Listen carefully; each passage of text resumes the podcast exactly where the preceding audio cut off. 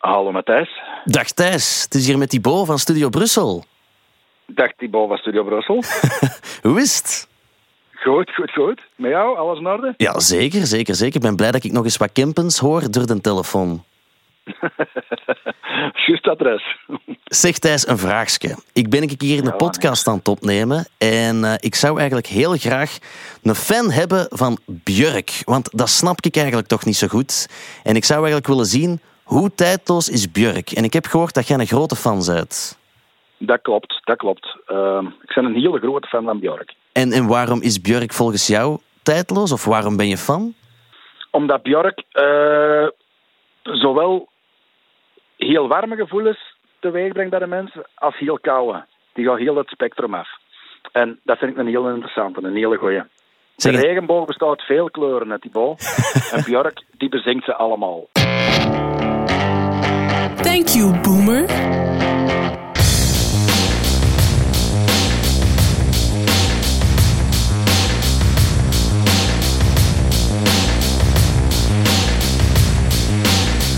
IJsland. Een eiland dat ergens ver van het Europese vasteland ligt in de Atlantische Oceaan, maar toch ook muziek brengt.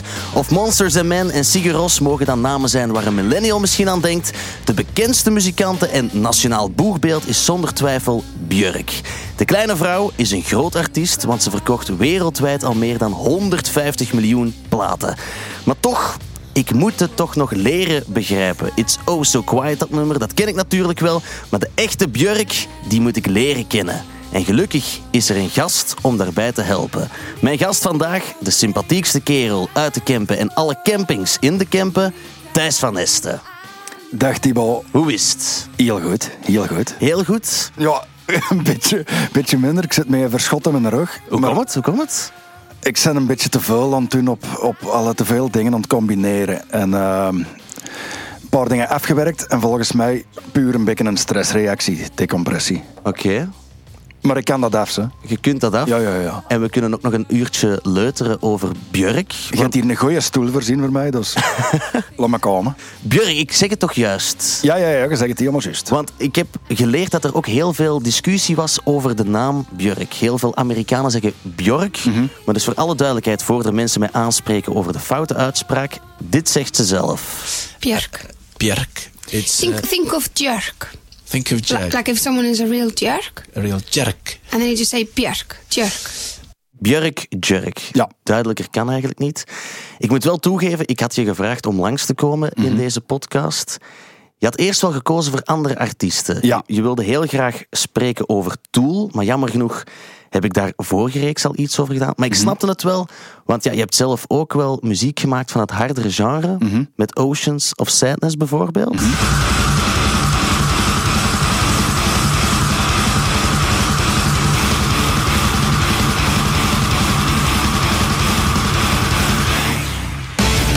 Dan moet je mij zeggen, toch Björk dan?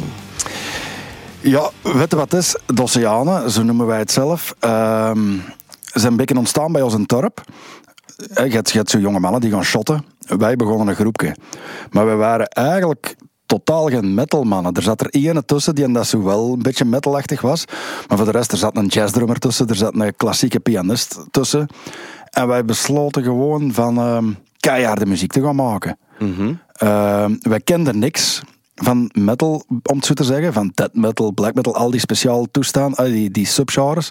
Maar wij hadden zoiets, wij gaan gewoon, laten we nu zeggen, flamenco, salsa, wat dan ook. En dat allemaal gewoon keihard spelen. En dat was de Oceanen. Misschien wel een beetje vergelijkbaar met, met Björk, want die mengt ook verschillende genres, heb ik al begrepen. Maar hoe een grote fan ben je van Björk? Een hele grote fan. Ehm, eigenlijk, ik herinner me zelfs nog dat ze voor de eerste keer... Ik kom nog uit het tijdperk van MTV. Het tijdperk dat MTV nog muziek draaide. Ehm, en de Sugar Cubes. Hè. Dat was haar eerste projectje waarmee dat ze op de, op de televisie kwam. En ik zag dat mesje. Ik vond dat ten eerste een fysiek heel mooie verschijning. Heel, heel interessant uiterlijk ook. Dus ik was direct geïntrigeerd. En dan die rare stem. Uh, daar hing zo een, een hele rare punkrand aan ook. Waar dat ik sowieso heel grote fan van ben. Uh, dus ja, ik was direct heel geïntrigeerd. Oké, oké. Ik moet ook wel toegeven, ik ken Björk nog niet supergoed. Het is vooral van dit nummer, en dat gaan vele andere mensen van mijn leeftijd beamen, dat ja, toch wel een serieuze bel deed rinkelen.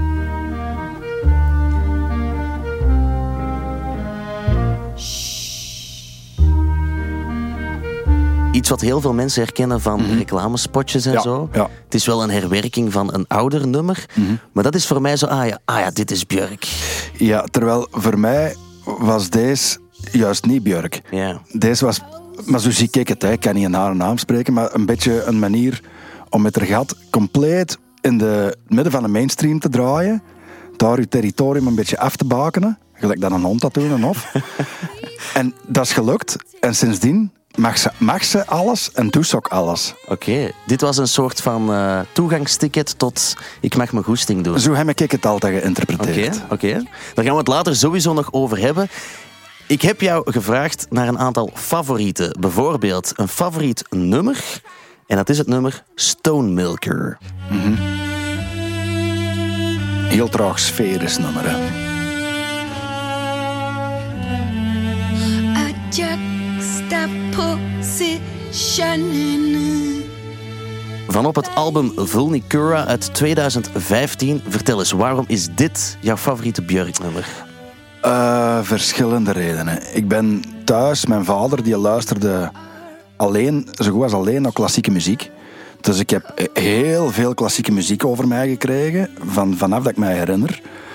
Ehm, deze is eigenlijk ook echt geschreven voor strijkers, dus ik her, op een klassieke manier. Dus ik herken er heel veel, krijg er direct een warm en tegelijk koud gevoel van. Van die, van die orchestratie van dit nummer. Dat. En de tweede reden is eigenlijk... Deze plaat is eh, opgenomen als ze gescheiden is. En die is zo simpel en dood eerlijk in de teksten. Dichter komt dat niet. Je voelt, je voelt dat mensen gewoon bloeien. Ah, wel, ik heb ook begrepen dat het een van de ja, diepste periodes was uit haar leven. Ja. Het was de scheiding met Matthew Burney, een filmmaker waar ze heel lang mee is samen geweest. En dit gaat dan eigenlijk over ja, die breuk die ze daarmee had. Ja. Ook de videoclip is blijkbaar zeer speciaal geweest. Het is een van de eerste videoclips geweest in 360. Ja. Gefilmd op het strand waar ze het nummer geschreven Klopt, heeft. klopt. En blijkbaar ook een mijlpaal over... Ja, blijkbaar mijlpaal in virtual reality. Ja, ja, toen was dat nieuw, hè. Ja. Dat is ook, dat is ook heel typisch om Björk. Die doet altijd iets dat nog gedaan moet worden. Is het nu, is het nu, toen was dat dat, die, die, die 360 graden camera. Ze heeft al heel veel eh, elektronische, organische elektronische eh, eh, instrumenten laten maken waarop dat ze dan begint te spelen. Alle, ze is heel vooruitstrevend altijd. En dat vind ik fantastisch. Dit is jouw favoriete nummer. Is het volgens jou ook het perfecte instapnummer voor mensen die Björk nog niet supergoed kennen? Nee, nee. Ik denk dat we dan eerder naar de beginperiode moeten gaan. Oké, dat Ja. gaan we zo meteen doen. Voor we daaraan komen, jouw favoriete album is ook wel een specialeke te noemen, denk ik. Selma Songs uit Ja. 2000. Een soundtrack. Vertel. Ehm, dat is eigenlijk de soundtrack bij de film Dancer in the Dark eh, van Lars von Trier. Nu, Lars von Trier, zonder deze vooral, zonder Björk, is al een fantastische regisseur. Eh, ja, tal, tal van goede films gemaakt, heel straf, ook heel eigenzinnig. En hij ging met Björk een film maken. Ehm, en als dat nieuws rondging, dacht ik, oeh, oeh, oeh, wat gaan ze nu doen? En ja, het ging dan ook nog een beetje een musical-achtig iets worden. Ik zeg, fuck, dat is helemaal niks voor mij. maar weer wel heel getriggerd, hè? heel interessant. Ehm, uiteindelijk ging ik naar die film kijken.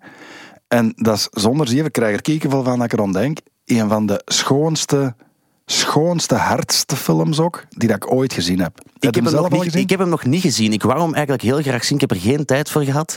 Hij won ook een Gouden Palm. En Björk kreeg ook een prijs voor beste actrice op het filmfestival van Cannes. Voor haar vertolking daarin. Maar ze heeft dus ook de soundtrack gemaakt. Wat dan jouw favoriete album is.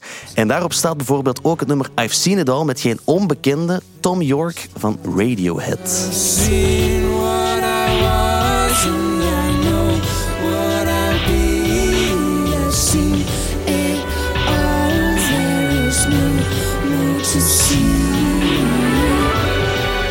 Ze heeft dat nummer ook live gebracht op de Oscars. Zonder Tom York dan wel. Maar wel met een vrij iconische zwanenjurk. Heb ik veel over gelezen. Ja, dat is ja, een soort van jurk aan had met zo'n zwanennek rond haar eigen hals. Haar kostuums, daar is al veel over geschreven. hè. Ja, ja. Maar het, het album zelf, Selma Songs, heeft het dan vooral te maken met de, eh, ja, de schoonheid van de film en het verhaal van de film? Of is het ook die muziek zelf? Dat- Zet je dat zelf zo eens op? Ja, ja ik, zet dat veel, ik zet dat veel op. Dat komt erbij. Maar wat dat ik toen vooral heel interessant vond, en dat was een van de eerste buiten eh Kraftwerk en, en Steur, die mannen met een onuits- onuitspreekbare naam, en Steur, de Neubauten, hè, Ja.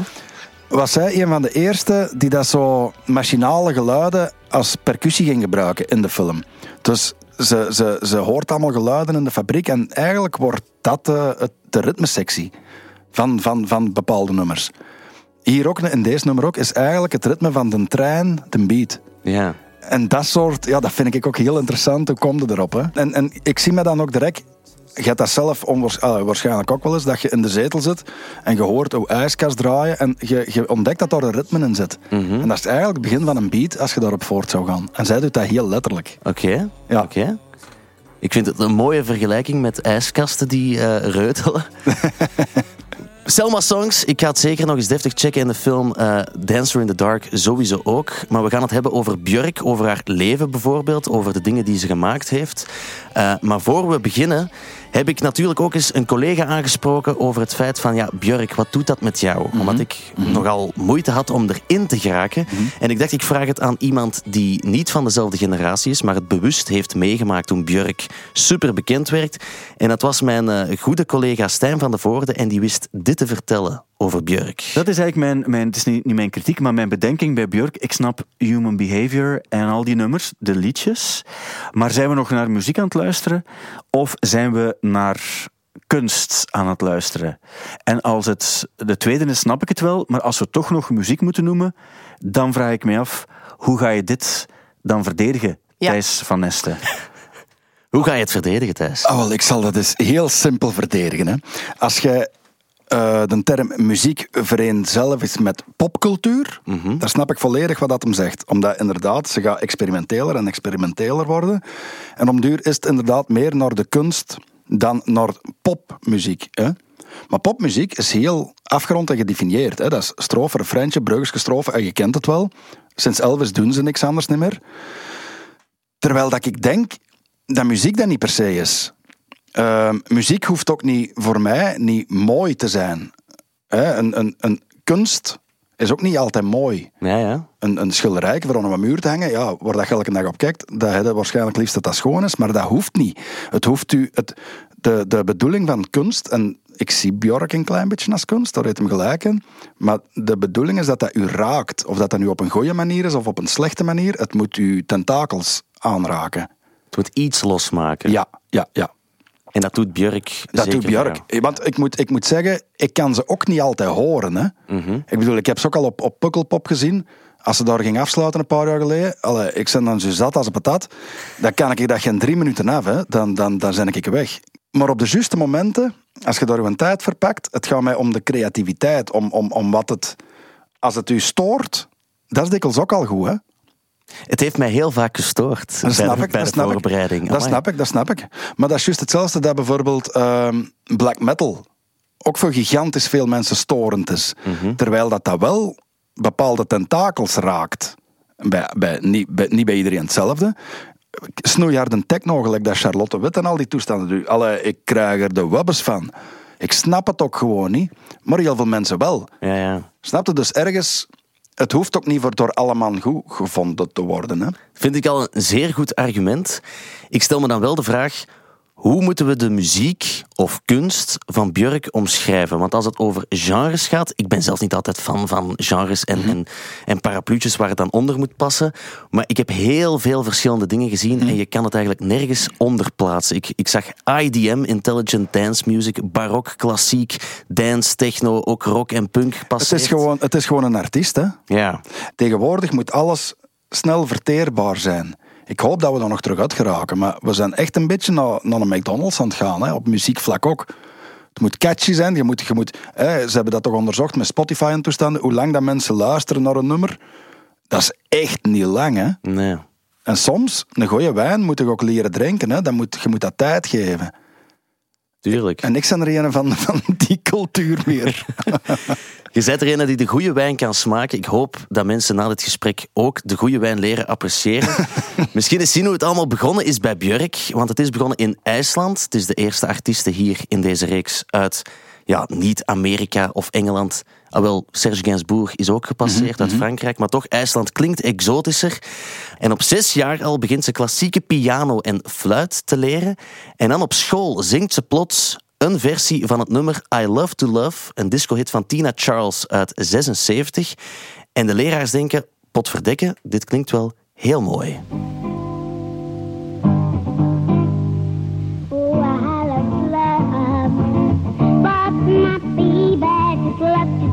He wants to dance. He loves to dance. He got to dance. Oh, I love love. Dat is toch graaf, hè? Ik werd begeesterd door dit. Dit vond ik supermooi. Zo'n kindstemmetje, maar toch perfect eigenlijk Dat is, hoe het dat was. is- dat is- ja, dat is talent, hè? Die leraars hebben dat stukje eigenlijk naar de radio gestuurd. RUV-radio, toen nog het enige radiostation in IJsland. En Falcon Records, wat toen een label was, die dachten van, die moeten we hebben, dat kleine kindje, en hebben haar een platencontract aangeboden. En daardoor heeft de kleine Björk op 11-jarige leeftijd al een album uitgebracht. Björk heette dat album. soort van familiezaak ook, want alle familieleden hadden er iets mee te maken. Eh, als ik me niet vergis, heeft de mama de, de, de- het artwork gemaakt, of de foto getrokken, en de papa speelde erop mee. Een beetje een IJslandse Kelly family. Ja, precies, precies. en daar stond ook een leuke cover op. Fool on the Hill van de Beatles, maar dan in het IJslands.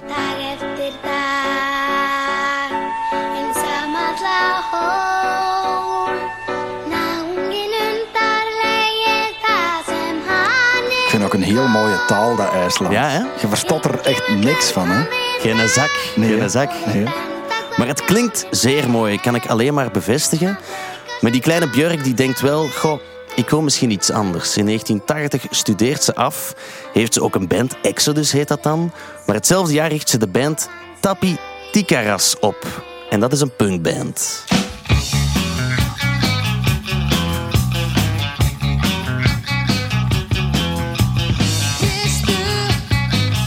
Hier herkende ze al, hè? Ik vind het ook zo heel B-52's Ja. klinken. Ja. Daar was ik, was ik zeer grote fan van. Het is ook een echte band eindelijk in Björk haar leven. Tapi Tikaras, ik moet zien dat ik het juist uitspreek. Weet je wat het betekent in Nee, het IJslands? Cork the bitch's ass. Hoppa. Ik weet niet hoe dat we dat mooi in het Nederlands zeggen. Kurk de tevaar poep. Is Ah ja, ja, ja, kurken gaat, hè? Zo mag het ook. Ja, ja. Wat, wat vind je hiervan? Ik vind deze al tof.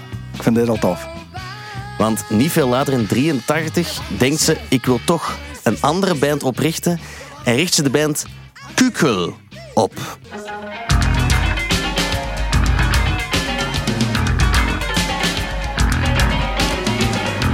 Het zou TC Matic kunnen zijn. Het is zo wat goth dat ik hoor.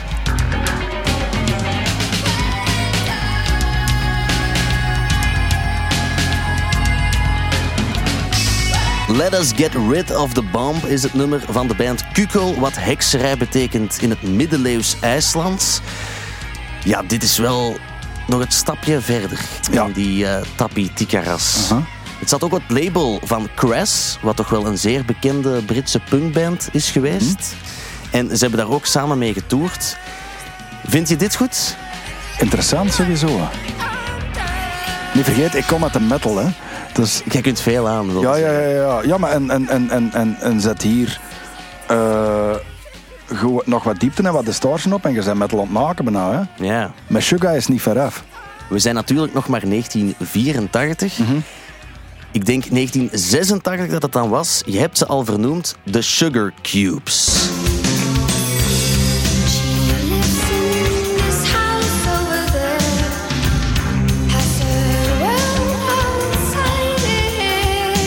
Hier met het nummer Birthday toch wel de doorbraak, of de eerste doorbraak te noemen van Björk. Ja, en je hoort, dat waren zo de tijden van de Cure ook een beetje, hè. Je hoort dat er wel in, hè.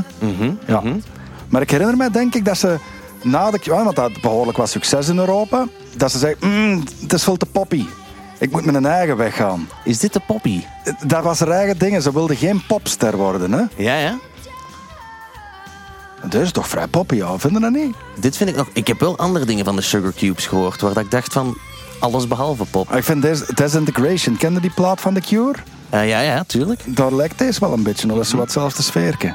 De groep wordt inderdaad zeer populair. Ik denk dat het John Peel is op de BBC die dit nummer, Birthday, heel veel gespeeld heeft. Dus ze werden zeer bekend.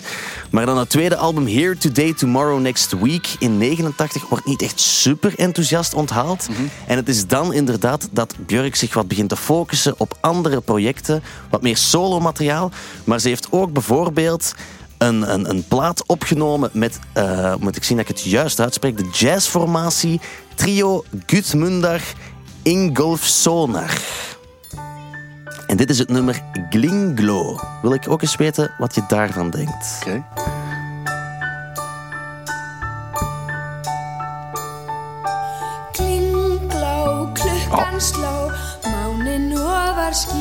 Hlá Mo. Deze kende ik niet. Het is wel mooi, hè? Dat zou ik voor mijn klein mannen spelen. Het doet wat denken aan een Sinterklaasliedje of zo. Ja, ja. Maar het is ook zo, hè, want wij verstaan niet wat ze zeggen in het IJslands. Kinderen kunnen deze meezingen, hè? Ja. Klinglau, glou, glou, glou. En nu wordt het, nu wordt het jazz.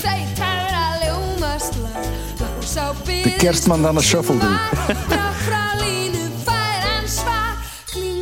Ah, ik vind dat heel tof. Ook wel de moeite eigenlijk, hè? Ja, ja. Ik ben, ik ben hier eigenlijk al, al fan aan het worden terwijl ik er opnieuw naar luister.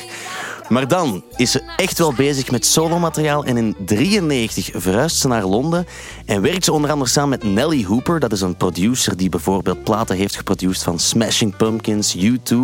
Ik denk ook Massive Attack als ik me niet vergis. En dan komt die eerste grote hit.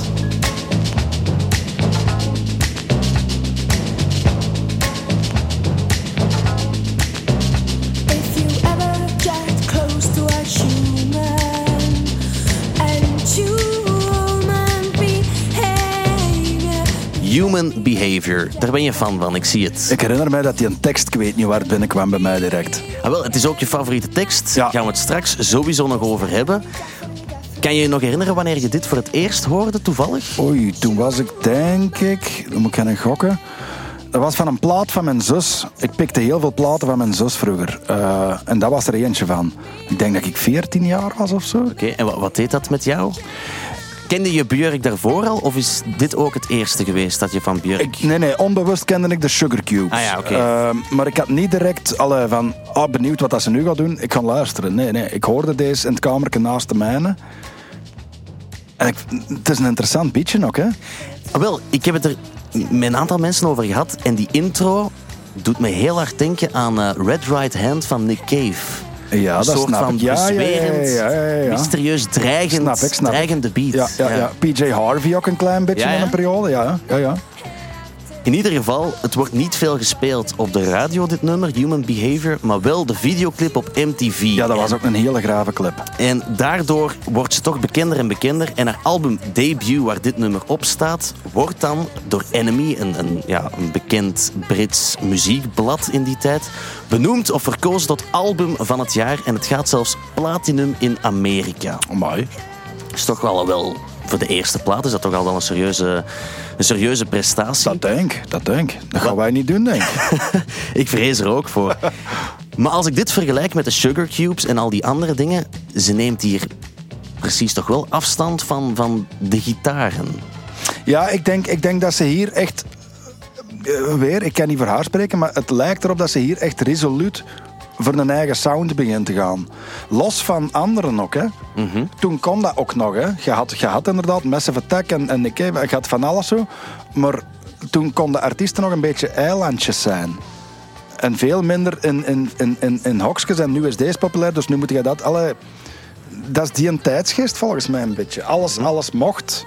En alles was heel herkenbaar. De 90s. Ja, ja, Ja. ja. Je hebt het over die plaat gehad, debut.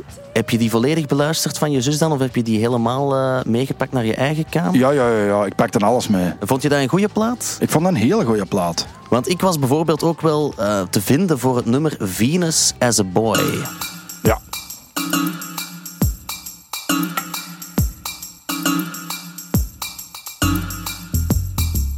Dat is ook een beetje mes op het dak, hè? Ja, en je kan het met niks vergelijken, vind ik ook. En hoort, de percussie, je hebt een basdrum, maar de rest is een fles. Hier een metalen plaatje waar dat ze op, op tokkelt.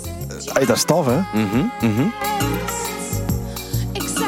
Het is ook rond die periode dat ze eigenlijk ja, een, een, een gevestigde waarde begint te worden. Want ze schreef zelfs mee aan het nummer Bedtime Stories van Madonna. Ah, is dat zo? Ja, en voor een eerste plaat hebben, te hebben uitgebracht, is dat toch vrij zot.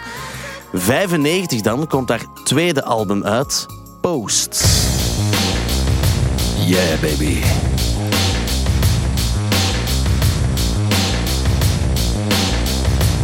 Ja, deze vind ik super graaf? Dit, dit, is, dit, is, dit is cool, dit is cool. Het is eh, opnieuw een samenwerking met die Nelly Hooper, de producer, maar ook Tricky van Massive Attack helpt eraan mee.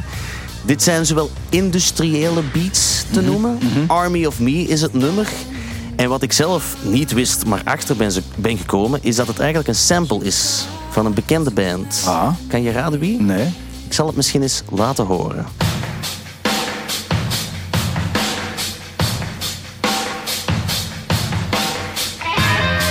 Ma. When the Levy Breaks. En dit is Army of Me.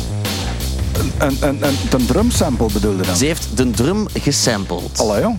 En dan denk ik, ja, ze, ze laat die rock toch niet volledig achter zich dan. Nee, maar en, en wat dat ik dan vooral interessant vind, dat is een heel bewuste keuze, want die een drum zouden voor niks moeten samplen. Hè. Dat is gewoon één beat. Allee. Inderdaad, inderdaad. Wa- Waar ik ook achter kwam, is dat eh, die When the Levy Breaks van Led Zeppelin, dat die gesampled is door heel veel artiesten, Ja. die drum. Ik denk Eminem heeft het in een heel slecht nummer gedaan, maar Rhyming and Stealing van eh, de Beastie Boys is ook diezelfde drum sample. Ik geef het maar mee, ik geef het maar mee. Bonham, ja. Maar dan, ja, dat ene nummer waar toch wel het meeste rond te doen is geweest. De grote, grote, grote doorbraak is natuurlijk die It's Oh So Quiet.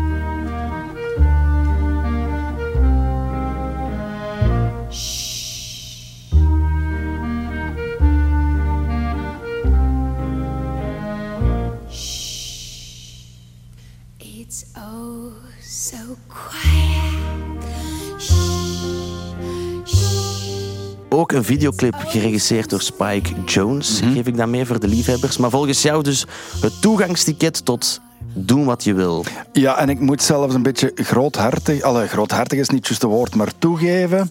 Ik ben zo'n tip, als iets dan super mainstream wordt...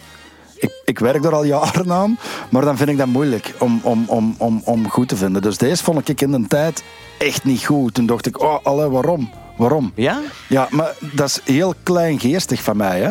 Ik denk dat veel mensen die reactie hebben. Ze vinden iets goed, dat wordt mega en dan is maar het is niet cool meer. Ja. Dat is eigenlijk flauwe hè. Wat dat ook is, als iets heel groot wordt, blijft dat aan je kleven. Ja. En dan hadden zelfs... Ja, maar dat was nu ook weer niet de bedoeling. Ik wil nog zoveel laten... En elke keer wordt er nog teruggegrepen. En dat is een beetje... Het, het, je wordt het slachtoffer van iets goed te doen, hè. In ieder geval, in 1997 komt haar derde album uit, Homogenic. En ik moet zeggen, ik denk dat het het album is geweest dat ik het meeste kon smaken. Ah ja? En ik denk ook wel dat het komt door het nummer Yoga. Oh, weer zo'n strijkersarrangement, hè. Ja.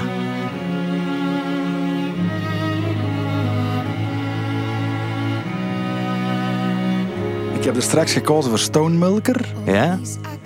Maar het kon even goed deze zijn, hè. Ja, toch? Ja. Wat maakt dit nummer zo goed voor jou? Weer hetzelfde, die strijkers en sevens en het refrein gaat dat zus, dat is gelijk een bloem, dat is een beetje aan het draaien is. En het refrein, wow, legt hij zich helemaal open even, om dan terug te sluiten. Dat is zeer mooi omschreven. Het is, oh, hoort, allee. Ik ga het even harder zetten.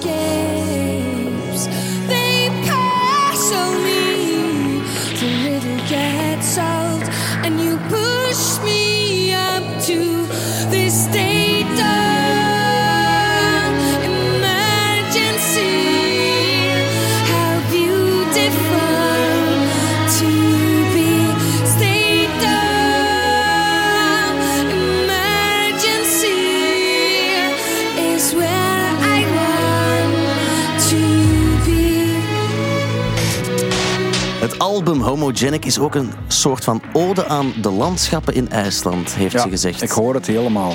ik krijg ook echt wel de Lord of the Rings vibes. In de meest, van in de meest positieve zin van het woord. Ik ben grote Lord of the Rings fan. Is het echt? Ik, ik zie...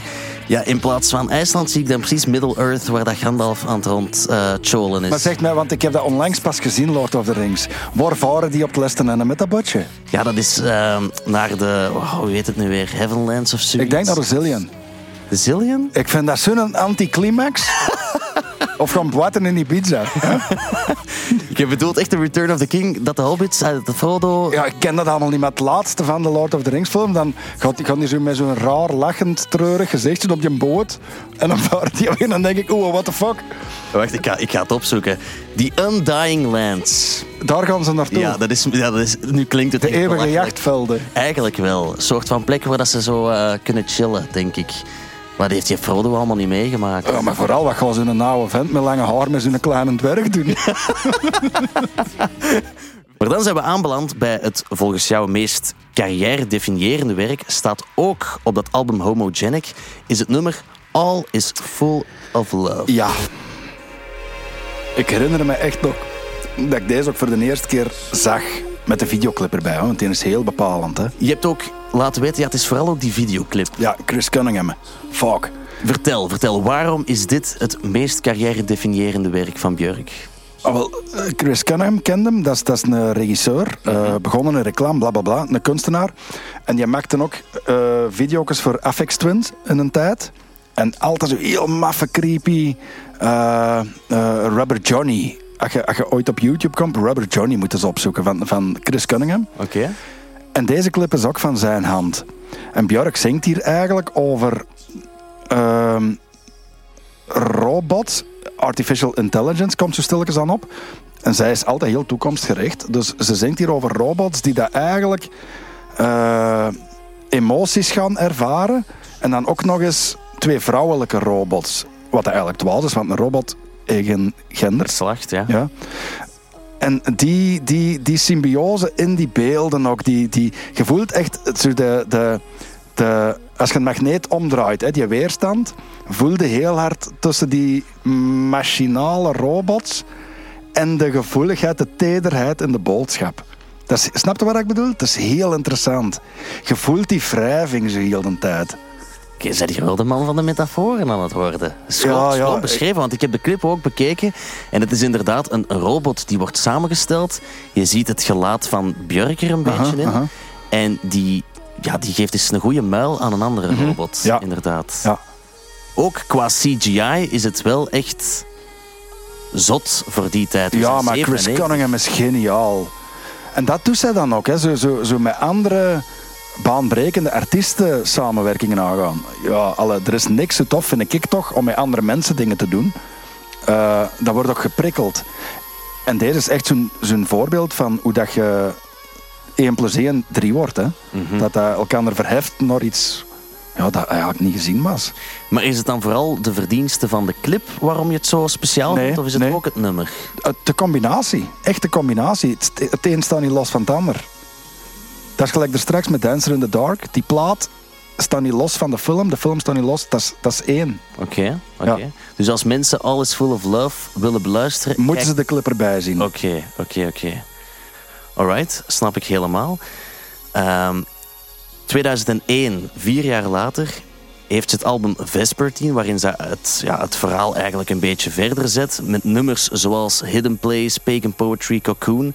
Eh, het is ook de opkomst van Napster rond die tijd. En eh Björk besluit om microbeats te maken. Ik snapte het niet helemaal, maar eigenlijk speelt ze in op het feit dat nummers gedownload worden op het internet. En ze zorgt ervoor dat haar muziek zo klinkt met die microbeats dat het geluid niet verloren gaat. Dat de kwaliteit van het geluid blijft, ook als mensen het downloaden op hun computer. In een tijd waarin dat van die bronstige brulberen gelijk Metallica gaan zeggen en iedereen voor de rechtbank. Inderdaad. En gaat zij eigenlijk het omarmen, hè? Ja, wa- wat ik ook wel zo weer speciaal vond, dat hij dat dan toch doet. Ja, dat is graaf. hè. Dat, wil, dat, wil, dat klinkt niet heel klef, maar dat wil zeggen dat je een artiest bent, dat je een kunstenaar bent. En je zult wel zien, leven doen we allemaal. Hè. Maar het gaat niet over nog meer centjes binnenhalen en nog meer. Het gaat, je kunt een toekomst toch niet tegen, tegenhouden, dus je kunt hem beter omarmen. Is dat een, ehm, een vereiste van een tijdloos artiest dat die ook serieus meegaan met de tijd en eh, het nieuwe omarmen? Ik denk dat. Ik denk dat. Je ziet dat, je ziet dat ook, ook, ook buiten artiesten. Hè. Je, de wereld verandert continu. Ehm, en iedereen strijdt daar maar tegen. Hè. Met, met, met, met, met, met, met de oors, alle, noem maar op. Houd ze tegen, houd ze te- Dat valt niet tegen te houden. Je moet er creatief mee omgaan. Want anders dan, dan blijf jij gewoon gelijk een, een, een kwaai, een prulboei. Alle, met je voeten vast in de grond staan. Een beetje zitten roepen. En alles gebeurt rondom u en alles gaat maar vooruit. En je kunt op een duur totaal niet meer mee. Nee, inderdaad. Weet je wat er komt? Er komt een album Medulla. Is dat niet met alleen de stemmen? Klopt. Ja, ja, ja. ja, ja. Het klinkt zo mooi, te mooi om waar te zijn. Björk gaat een album opnemen, een soort van ode aan de stem. En ze maakt enkel gebruik van stemmen als instrumenten op die plaat. Ze heeft daar natuurlijk een klein beetje toegeving in moeten doen en wat elektronica moeten toevoegen. Maar toch, er staan dingen op waarvan ik denk, Oké, ja, ja. zoals het nummer Ancestors, waarvoor ze een throat singer inschakelt, een Inuit throat singer. Oké. En zo zitten we toch terug bij Lord of the Rings. Gollum. Een, een ork. My precious. Hé, maar geef toe, het prikkelt, hè? Maar eh, Misschien niet de juiste zenuw, maar het prikkelt, hè? nee, je hebt er straks gezegd, je kan niet op alle momenten naar Björk luisteren. nee, nee, nee. Maar dan moet je weten, ik probeer dit goed voor te bereiden. Ik luister in de auto naar Björk Ja. en ik zit naar, de- naar zo'n dingen te luisteren. Hè. Ik wil, als, als, als iemand jou passeert, dat gezicht. Maar wa- wat vind je daarvan? Ehm, nee, nee, interessant, maar ik ga het ook niet opzetten. Ja. Allee, ik Ja. ga het zeker eens luisteren. Hè. Eh, maar als ik deze thuis opzet, dan denkt mijn vrouw van... Nee, ze is hem helemaal van het petje. Nochtans staan er ook wel andere mensen op dat album waarvan ik denk, allee, het kan zo goed zijn. Je hebt het voor de hand. Mike Patton van Fate No More. Ah, ja, ja, maar ja, maar ja. werkt ja. erop mee. En ja, dat doet hij op een nummer samen met een beatboxer. En het nummer heet Where is the Line? Maar die bal, nu noemde er een op, Mike Patton. Björk is een held, Mike Patton is god, hè. Maar ja, is dit een nummer dat helden en goden zouden maken? Maar ja, maar dat is toch, dat is toch, alle, dat is toch een grote fuck you naar, naar alles wat... Ik denk ook wel, ja, ik, ik snap het. Het is cool om, om zo'n artiesten op je plaat te hebben en, en een beatboxer. Maar dit, ja, dit zou Skrillex ook kunnen, maar dan beter. Dat is de, de ja. Maar weet je wat graag is? Bijvoorbeeld, om nu, want nu zit Mike Patton het zaadje in mijn kop. Ja? Je hoort hem hier, boe, boe, boe. En volgende week gaat hem Lionel Richie coveren. Ja. Ah, dat is toch, dat is toch de ultieme vrijheid. Ah, dat is in elk geval mijn natte droom. Om alles te Om kunnen doen. alles te kunnen doen. Ja, ja, dat is echt mijn natte droom. Misschien daar ja, je meteen de vraag op. Wanneer zit jij Björk op? Als je thuis zit, of... of ik weet niet. Ehm, als, Nee, ik in, ja. als, ik, als ik in bad lig, durft dat gebeuren. Eh, Ja. Vooral zo de, de, de melancholische dingen. Als ik aan het tatoeëren ben ook. Soms zelfs gewoon te zien hoe dat mijn klant reageert. Want die zijn dan eh, beleefd. Heel die- onrustig op die bank. Ja, die zijn beleefd en die durven niet veel zeggen. Maar dan begint er zo in details te zien van shit, wat is dit hier van een kerel? Dus dat vind ik dan wel grappig. Maar soms wil ik echt zwelgen in die der melancholie. Ja. En ja, dat, dat, is, dat, is, dat, ja, dat is van zijn schoonheid. Een half uur in bad met van die melancholie, dat kan ik wel af. Oké, oké. Ik ga graag in bad. Hè. Voor de mensen die de podcast aan het beluisteren zijn in bad, het is het moment, man. Het is het moment. Ja, ja, ja. ja. Daarna heeft ze nog een heleboel andere albums gemaakt. Ik ga er iets sneller doorheen. Volta uit 2007, Biophilia in 2011 en Vulnicura in 2015. En tot slot ook Utopia in 2017. Er zijn een aantal dingen die ik daar toch uit wil halen, want in 2007 heeft ze samengewerkt voor het album Volta dus met Timbaland. Dat is de producer die we kennen van Justin Timberlake, Nelly Furtado enzovoort. Het klinkt niet echt hip-hop, maar ze doet daar wel ook speciale dingen op. Bijvoorbeeld, ze maakt een instrument, de Reactable. Heb je een idee wat dat gaat zijn? ja, dat was zo'n zo, zo'n organisch patje, hè, dat reageert op... op, op ja, wat, wat is het? Ik heb het gezien. Ik heb het opgezocht. nerdfilmpjes op YouTube. Het is een soort van touchpad waar je dan blokken op moet- op moet leggen. Gelijk een... st- Stenen echt, ja. Ja, ja. En eh, hoe je die stenen legt op die touchpad, geeft het andere geluiden. Alright. Het zag er futuristisch uit van je welste. 2007 spreken we. Ik heb een klein fragmentje, je kan er niet veel uit opmaken, maar zoek het zeker op. The Reactable van Björk.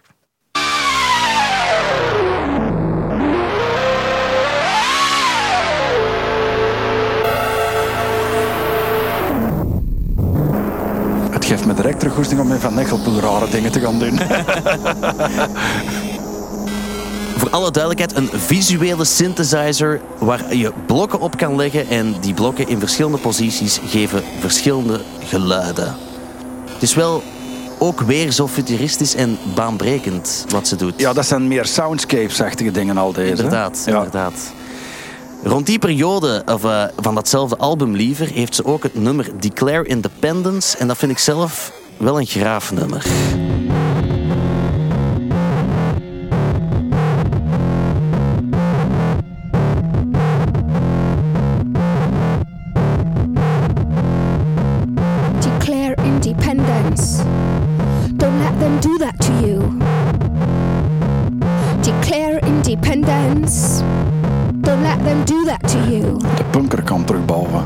Inderdaad. En eh, met het nummer Declare Independence veroorzaakt ze ook heel wat controverse, want ze zingt het bijvoorbeeld op een optreden in China. En na dit nummer roept ze Tibet, Tibet. Tibet wat toen nog ja, Ja, ja. door China bezet werd, of hoe moeten we ja, ja, ja. onderdrukt werd. Daar heeft ze heel veel problemen mee gekregen. Ze heeft het ook gezongen in Kosovo, waar eigenlijk juist dezelfde situatie aan de gang was. Is dat dan inderdaad de punker Björk die terug naar boven komt? Ah ja, tuurlijk, tuurlijk, tuurlijk. En ze kan zich even goed gaan nestelen in haar avant-garde toestanden. Hè? Mhm. Maar dat je dan zo je nek terug even uitstikt, ze hoeft dat niet te doen, hè, maar ze doet het wel. Ze is wel iemand die ehm, vat heeft voor ehm controverse. Ja, ja. Zijn er zo dingen waarvan je denkt van, oh, dit weet ik nog van Björk en vond ik graaf of vond ik opvallend? Ehm, ze is ook ooit heel, heel onlogisch, ook naakt ergens in, in, in geweest. Dat je dacht, hè, waarom, waarom? Maar op, ja, ze doet dat dan, ja. Nee, Ze doet eigenlijk gewoon wel altijd haar goesting. altijd er goesting, ja. Ze heeft ook van die eh, zotte outfits op eh, live optredens. Dat is nog niet zo speciaal. Ze heeft ook eh, de Björk Digital expositie of, of tentoonstelling gehad. Mhm. Waarbij je kunstinstallaties zag van Björk en bijvoorbeeld in haar mond kon kijken met een camera. Ja. Heel, heel vreemd. Ik heb het daar straks nog bekeken. Eh, maar in 1995 bijvoorbeeld slaagt ze ook een journaliste. Ja, Wanneer ze aankomt in Bangkok, juist, juist, dat herinner ik me nog. en die journaliste zegt eigenlijk gewoon: Welkom in Bangkok. En ze slaagt die journalisten verrot. Ja, ik denk nu wel dat geen, hoe zeggen ze dat, catcher om zonder handschoenen aan te pakken is, hè? Nee, dat, denk, ik niet. ook. Ja, ja. Ik zijn ook een aantal nummers die ik geselecteerd heb. Vinden we dit goed of vinden we dit slecht? Oké. Zoals Thibaut dat iets minder vond bij het beluisteren. Bijvoorbeeld het nummer Utopia van het gelijknamig album uit 2017.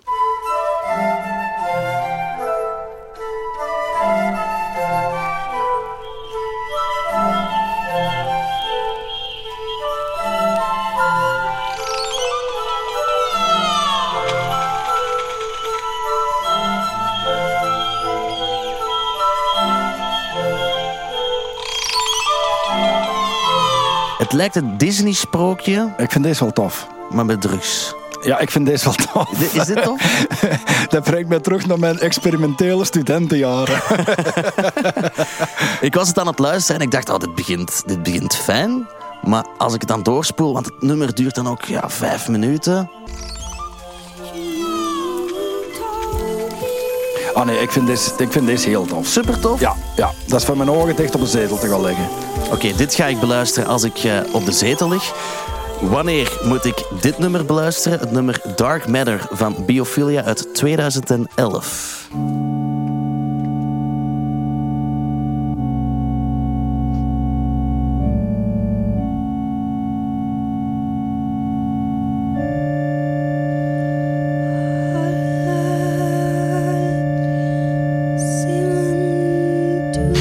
Op momenten dat het niet zo goed met je gaat.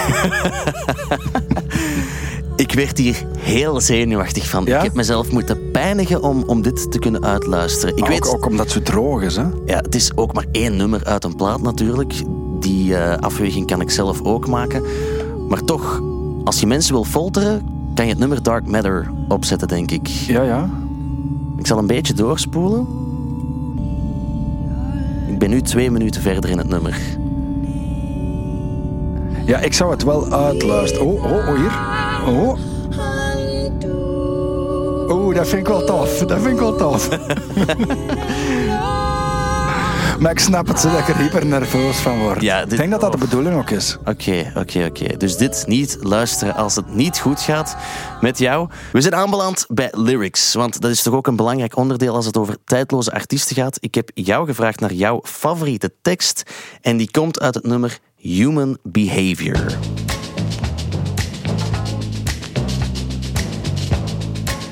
We hebben het daar straks alles opgezet.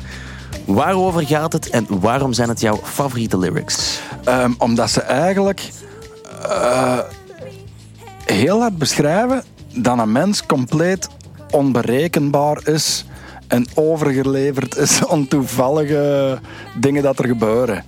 Ehm, eigenlijk zegt ze dat, dat, dat, dat de mens op niks slaagt, hè, dat je er niet op kunt rekenen. Dat, dat, dat Het nummer zou ook geschreven zijn vanuit het standpunt van een dier. begrijp ik, ja. ja. Een dier dat, dat de mens eigenlijk gadeslaat. Ah, wel een beetje gelijk dat de neveneffecten deden. Kom hem aan. Heb je dat ooit gezien? Dat die Is het ver weg bij mij? Ah, super documentair. Dat ze zo een, een aflevering maken over ja, de common man. De common man.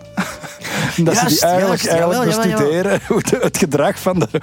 dat is geniaal. Zo, zo is het net. Björk goes neveneffecten. Ze heeft ooit gezegd eh, dat ze, toen ze nog kind was, dat ze wel een soort van harmonie voelde met kinderen, de bergen en eh, de oceaan rond Reykjavik en de dieren. Maar ze vond volwassen mensen, oudere mensen, vond ze chaotisch en nonsensical.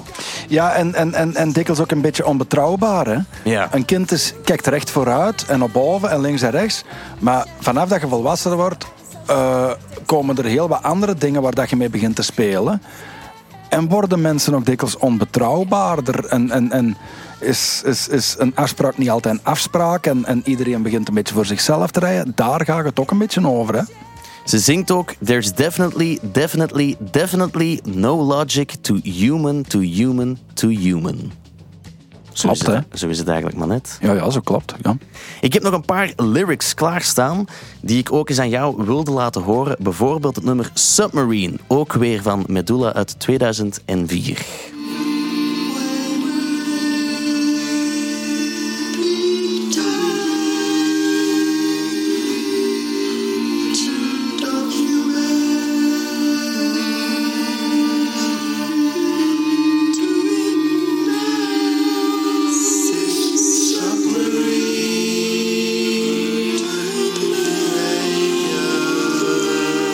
Zal het even samenvatten. When will it be time to document? Do it now. This submarine behavior. Do it now. When time? Do it now. To return. Do it now. Do it now. Shake us out of the heavy deep sleep. Shake us now. En zo verder. Dat is een beetje intuïtief schrijven. Hè? Ja? Hoe, hoe moeten we dit plaatsen? Want ik, ik snap het gewoon ook niet echt. Ik denk Submarine dat, heet het? Nee, ik denk dat het niet echt te snappen is. Ik denk dat het echt intuïtief schrijven is. Oké, Dat je gewoon bla bla bla bla, Paul van Ostaaien, hè? oké. Boem, bad, bad, bad, alles. Stream of consciousness. Ja, ja. Oké, Denk ik. Want ik heb ook wel door, niet alle teksten zijn super duidelijk. Dat moet ook totaal niet. Maar ik dacht, deze wil ik toch eens laten horen. Er zijn ook twee songteksten van de Sugar Cubes die ik je nog eens wil voorleggen. Het nummer Hetero Scum.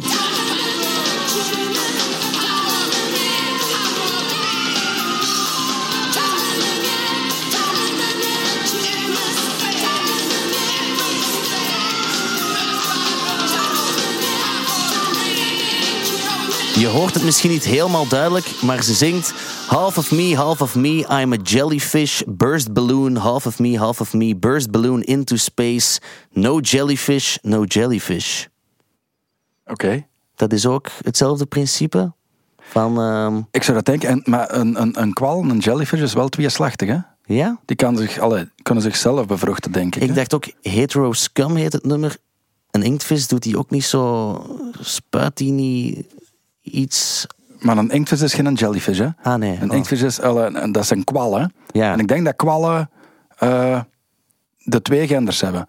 Dus als je eigenlijk, om het heel plastisch te zeggen, hun eigen piemeltje in hun eigen poesje kunnen steken. Godverdikke de les biologie met, eh, met Björk. We gaan verder naar de live presence van Björk. Heb je ze alles live gezien? Ja, ja. op Pukkelpop. Al een paar keren nooit. Oké, oké. En, en hoe is dat? Ik heb ze nog nooit live gezien. Beschrijf misschien eens, hoe ziet een Björk-song, eh, Björk optreden eruit? Ja, dat is door de jaren heel hard geëvolueerd. Hè. Vroeger, vroeger was dat een... Om het, als ik het met iets moet vergelijken, zou ik het met PJ Harvey vergelijken. Het was eerder een ontregelend klein madameke met een echte band die dat muziek speelde. Maar dat is meer en meer naar... Hoe, hoe, hoe- nu kom ik niet op het woord. Meer en meer naar theater geëvolueerd op, op die een of andere manier. Hè. Of performance? Performance, hè? Ja, ja, ja. ja met, er, met er jurken en met er licht en, en al die rare instrumenten. En ja. Maar dat vraag ik mij dan af, en ik denk dat ik het antwoord al ken. Is dat dan een optreden waar mensen de nummers meezingen? Of is het vooral Nee. de ervaring en het allemaal laten binnensuipelen? De ervaring, hè. Ja. De ervaring. Ik, ik, ik vind bijvoorbeeld ook echt dat ze op Pukkelpop, ik weet niet wat jaar dat was, daar heeft ze afgesloten doen, maar dat was een totale miskast. Alle, zet, die, zet, die, zet die in een theater waar je op je gemak kunt gaan zitten. Hier staat je naar nog Pukkelpop. Dat zijn allemaal jonge gasten die daar voor de eerste keer naar een festival gaan. Een hoop bier in de regiel. En die staan... Is dat? Allee, dat is compleet neffen de kwestie. Ik heb ook begrepen dat ze eens op uh, Rock Werchter heeft gespeeld, maar toen het nog licht was buiten. Toen het Ja, in het ja, midden van een ja, dag. ja. En ik heb ook begrepen dat dat totaal niet werkte bij Nee, nee, nee. Je moet die in de, in de, in de Elisabethzaal of zo, zo gaan kijken. Hè? Mhm, mhm. Ja, ze heeft verschillende keren in België gespeeld, zoals je zegt, hè, Pukkelpop, uh, Rock Werchter ook. Haar laatste optreden was in Vorst Nationaal in uh, november 2019. Mhm. En ze heeft ook in de Brusselse club The Fuse gespeeld. Ah ja. Een collega hier heeft dat toen meegemaakt. We spreken over het jaar 1996, als ik me niet vergis. zalig. Een crazy optreden, uh, maar uh, Steven en Andy van de Brusselse discotheek zijn hier ook eens te gast geweest in het programma Ik Luister Belgisch. En die hadden toch wel iets opvallend te zeggen over dat optreden van Björk. Ik heb wel verhalen gehoord dat er, um, aan die toilet is er nog altijd een toilet en een douche speciaal voor Björk zou gebouwd zijn. Um, ze wou anders niet komen en die staat er nog altijd een douche en toilet speciaal voor Björk laten bouwen in de Fuse. Ja, maar ik denk dat dat eerder van die, van die managementtoestanden zijn. Ja. Uh, dat ze zoiets compleet abstract uh, op tafel gooien. En als je dat doet, dan zien ze, oké, okay, de organisator heeft genoeg engagement. Mm -hmm. Ik bedoel, zo, zo ken ik nog artiesten op een groot niveau die dat totaal geen idee hebben wat dat er gevraagd wordt op de rider. Of, ja, dat is een beetje een filter, hè. Ja, ja. Het is geen, we mogen ze nog geen diva noemen voor zo'n streek. Oh, ik denk op een bepaalde manier dat dat een, een, een, een, heel grote diva is. Maar ik denk op een bepaalde manier ook totaal niet. Mm -hmm. Maar ik denk niet dat je dat aan de hand van zoiets kunt, kunt zeggen. Allee, ik denk dat dat eerder is van... Uh, als, als, uh, die weten niet wie dat de fuse is. Hè.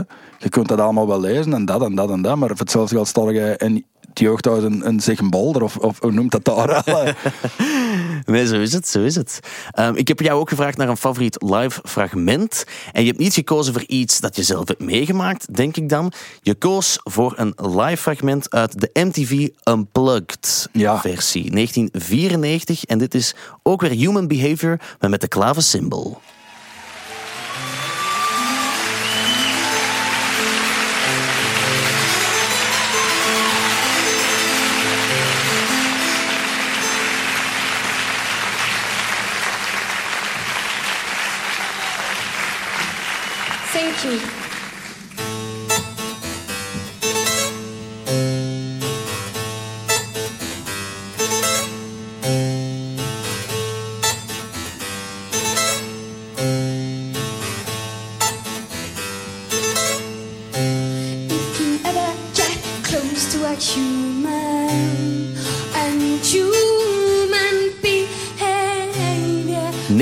29 jaar oud was ze toen nog maar, in een geel kleedje. En dan haar nummers op zo'n manier brengen. En Waar, dat vind ik... Ja, waarom is dit zo speciaal voor jou? Ah, wel, omdat ze eigenlijk... Zij was toen een, een, een, een soort van pop-icoon aan het worden. En zij gaat voor de compleet eh, om op, op zijn dessel te zeggen, tegen Strommigheid. Ze had even goed haar nummertjes kunnen gaan spelen. Maar nee, zij, zij daagt zich compleet weer uit. Op een heel niet vanzelfsprekende manier. Met muzikanten uit, uit de vier windstreken. Hè, Afrikanen, klassieke klavecimbal. Een, een bond gezelschap. Dat je denkt, hè? Waarom? Alle, en dat ze zich het zo niet gemakkelijk maakt. Dat vind ik dan fantastisch. Dat vind ik fantastisch. Hè? Pearl Jam, ook een goeie unplugged dingen, bla bla bla. Maar die staan daar gewoon hun gitaarnummertjes wat akoestischer te spelen. Nirvana is juist hetzelfde. Ja, ja. Terwijl zij zegt, alright, en wat kan ik hiermee doen? Eens zien, eens zien. Wa- wanneer heb je dit voor het eerst eh, beluisterd? Destijds live op, eh, op MTV. Oké, oké. Ja. En, en was dat ook jouw eerste reactie van, amai, wow, dit is, dit is crazy? Ja, ja, ja, ja, ja, ja, ja. Omdat ik... ik ehm, Afro-Celt Sound System en van die toestanden. De wereldmuziek begon zo stilletjes aan hier en daar eens binnen te komen. En deze was alle werelddelen in één muziek in één keer. Ja, ik vond dat, ik vond dat heel, heel intrigerend. Oké, oké. Ik vond dit bijvoorbeeld ook supercool. Ja. Ik heb ook Human Behavior weer al genomen. Mensen gaan zeggen, maar we hebben de Human Behavior ondertussen al wel gehoord Ja, in dit gesprek.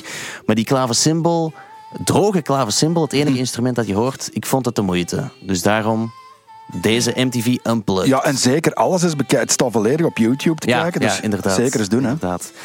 Haar laatste wapenfeit dan is ook een live gegeven. Eh, ze heeft de Cornucopia Tour gedaan in 2019. En toen deed ze dingen met het Hamralith Choir. Een koor waar ze vroeger als kind ook nog bij gezongen heeft. En daarmee heeft ze bewerkte versies van haar eigen nummers gezongen. Zoals bijvoorbeeld Sonnets van het album Medulla weer.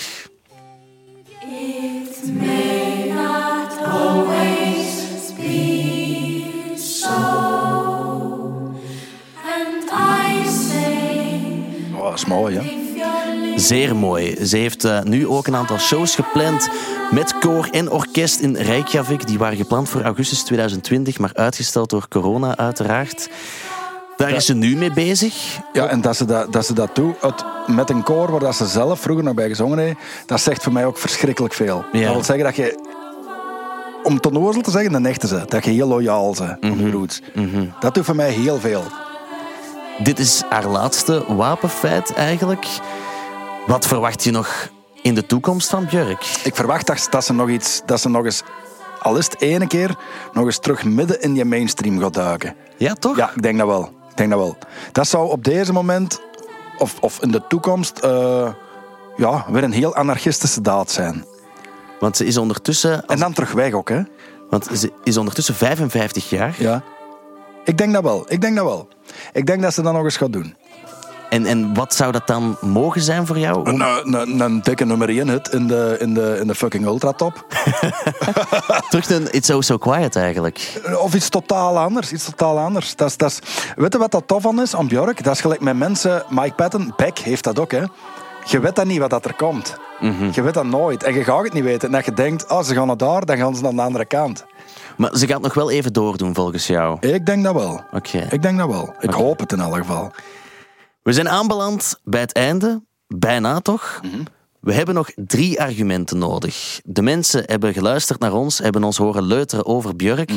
Maar misschien hebben ze nog nood aan een aantal argumenten om hen over de streep te trekken. Is Björk nu echt wel tijdloos? Dus ik geef jou de kans en de tijd om drie goede argumenten te geven waarom Björk nu tijdloos te noemen is. En dat moeten afgebakende argumenten zijn. Je mocht kiezen wat je ermee doet. Ah, wel, weet je wat dat is, hè? Ehm, McDonald's is lekker als je met een goestingsje zit. Hè? Maar je weet even hoe als ik, je eet dat op en je hebt al terug goesting met een douche te gaan pakken. Je voelt de wijn altijd een klein beetje vies zo.